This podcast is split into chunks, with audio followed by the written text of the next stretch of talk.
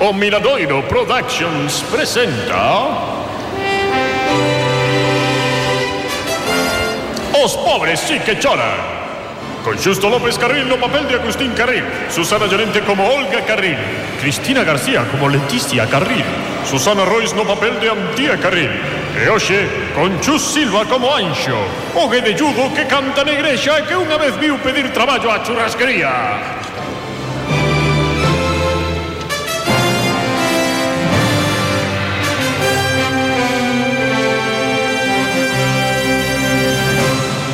xa vai sendo hora de que os carril abran a churrasquería se non queren arruinarse aínda máis do que están. As fillas de Agustín xa asumiron que o pai é un ludópata e o único responsable de que pasasen da máis esplendorosa riqueza a máis cutre das pobrezas. Olga, Leticia e Antía fixeronse cargo do negocio familiar, igual que facían antes, só que agora as que administran os cartos son elas e non Agustín. Isto crea certas polémicas. Un, dous, só tres euros. Pero que pretendedes que faga con tres euros?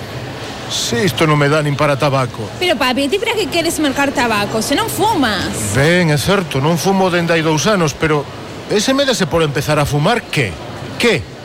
Xa non podo permitirme ese luxo.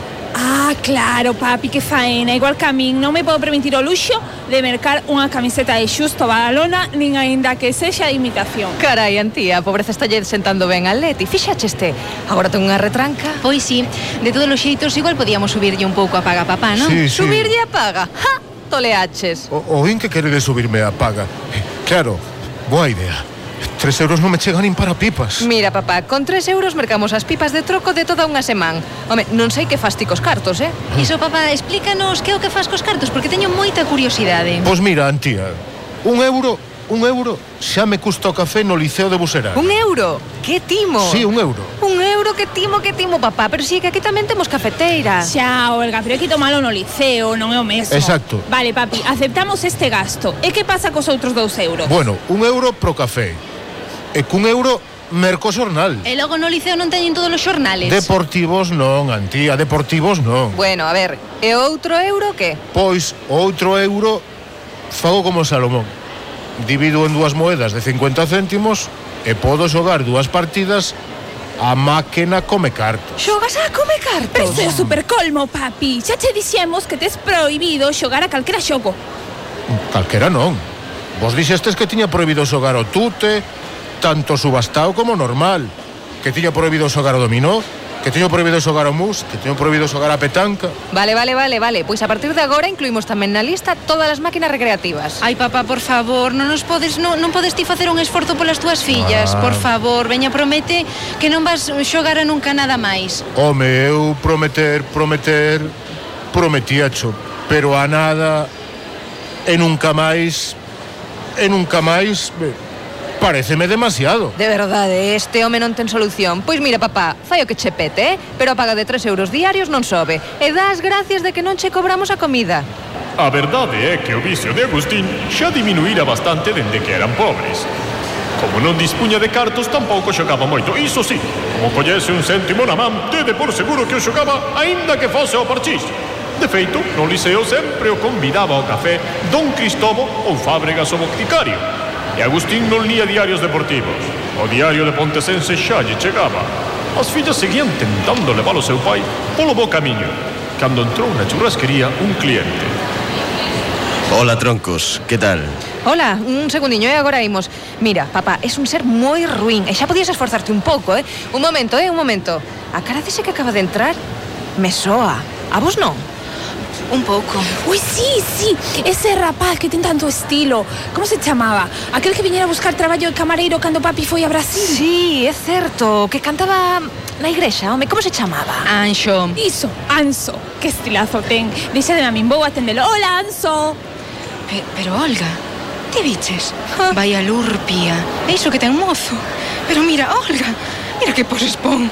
Olga, que esa irmá maior non lle vas dicir nada. Pero para que? Ti tamén, tía, parece que non coñeces a tua irmá.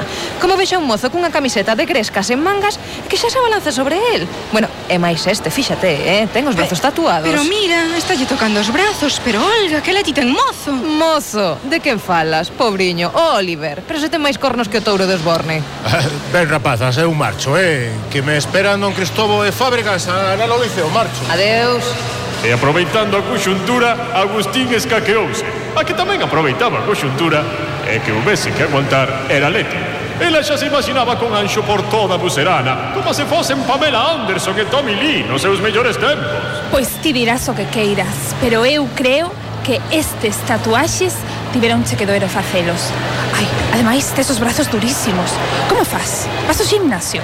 Non, non, aquí en Buserana non hai gimnasio pero eu levanto uns tetrabrix de leite para manterme en forma. Tamén é de coller a guitarra, que pesa o seu, eh? É que debe ser unha forza.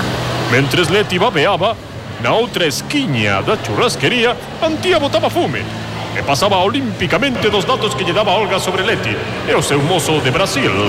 Ah, e non che contei o día en que Oliver descubriu no móvil de Leti unhas mensaxes verdísimas dun mulato. Antía, ei, ei, espera, agarda. Que ainda non rematei coa anécdota, onde vas? Xa está ben, Leticia! Ai que berros, pero que pasa? Que non vexo que esteas atendendo ao noso cliente. E ti Anxo, que queres? Chámase Anso Non, chámase Anxo. Que queres tomar? Pois unha Coca-Cola. Pois a Leti, ponlle unha Coca-Cola e ti bébela e marchas. Que agresividade.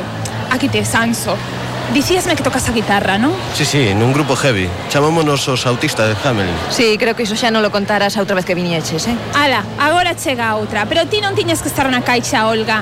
E ti na cociña, antía. A camareira aquí Sí, son pero eu... eu agora mesmo quero estar aquí. Por min, Continúa, Anso. Pois como te dicía, pois si, sí, somos os autistas de Hamelin e temos un directo boísimo. Tes que vir, eh, tedes que vir bolas dúas. Dúas? Que dúas? Olga e ti toma Antía? Porque Antía xa nos viu a semana pasada. Que?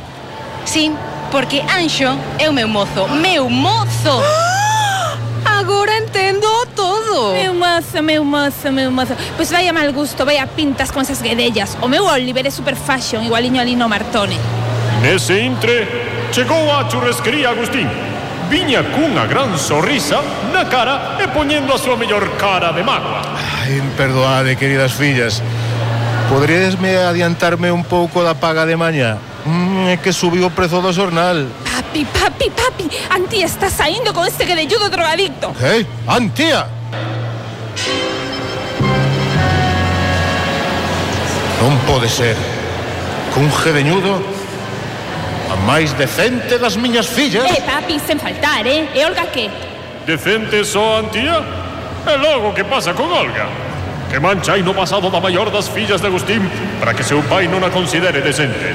Seguirá adiante a relación entre Antía e Anso, perdón, Anxo? Que fará Agustín con só 3 euros diarios como asignación? O nos daremos pregunta a algunha destas respostas. Eh, perdón, daremos resposta a algún de, a algunha destas preguntas.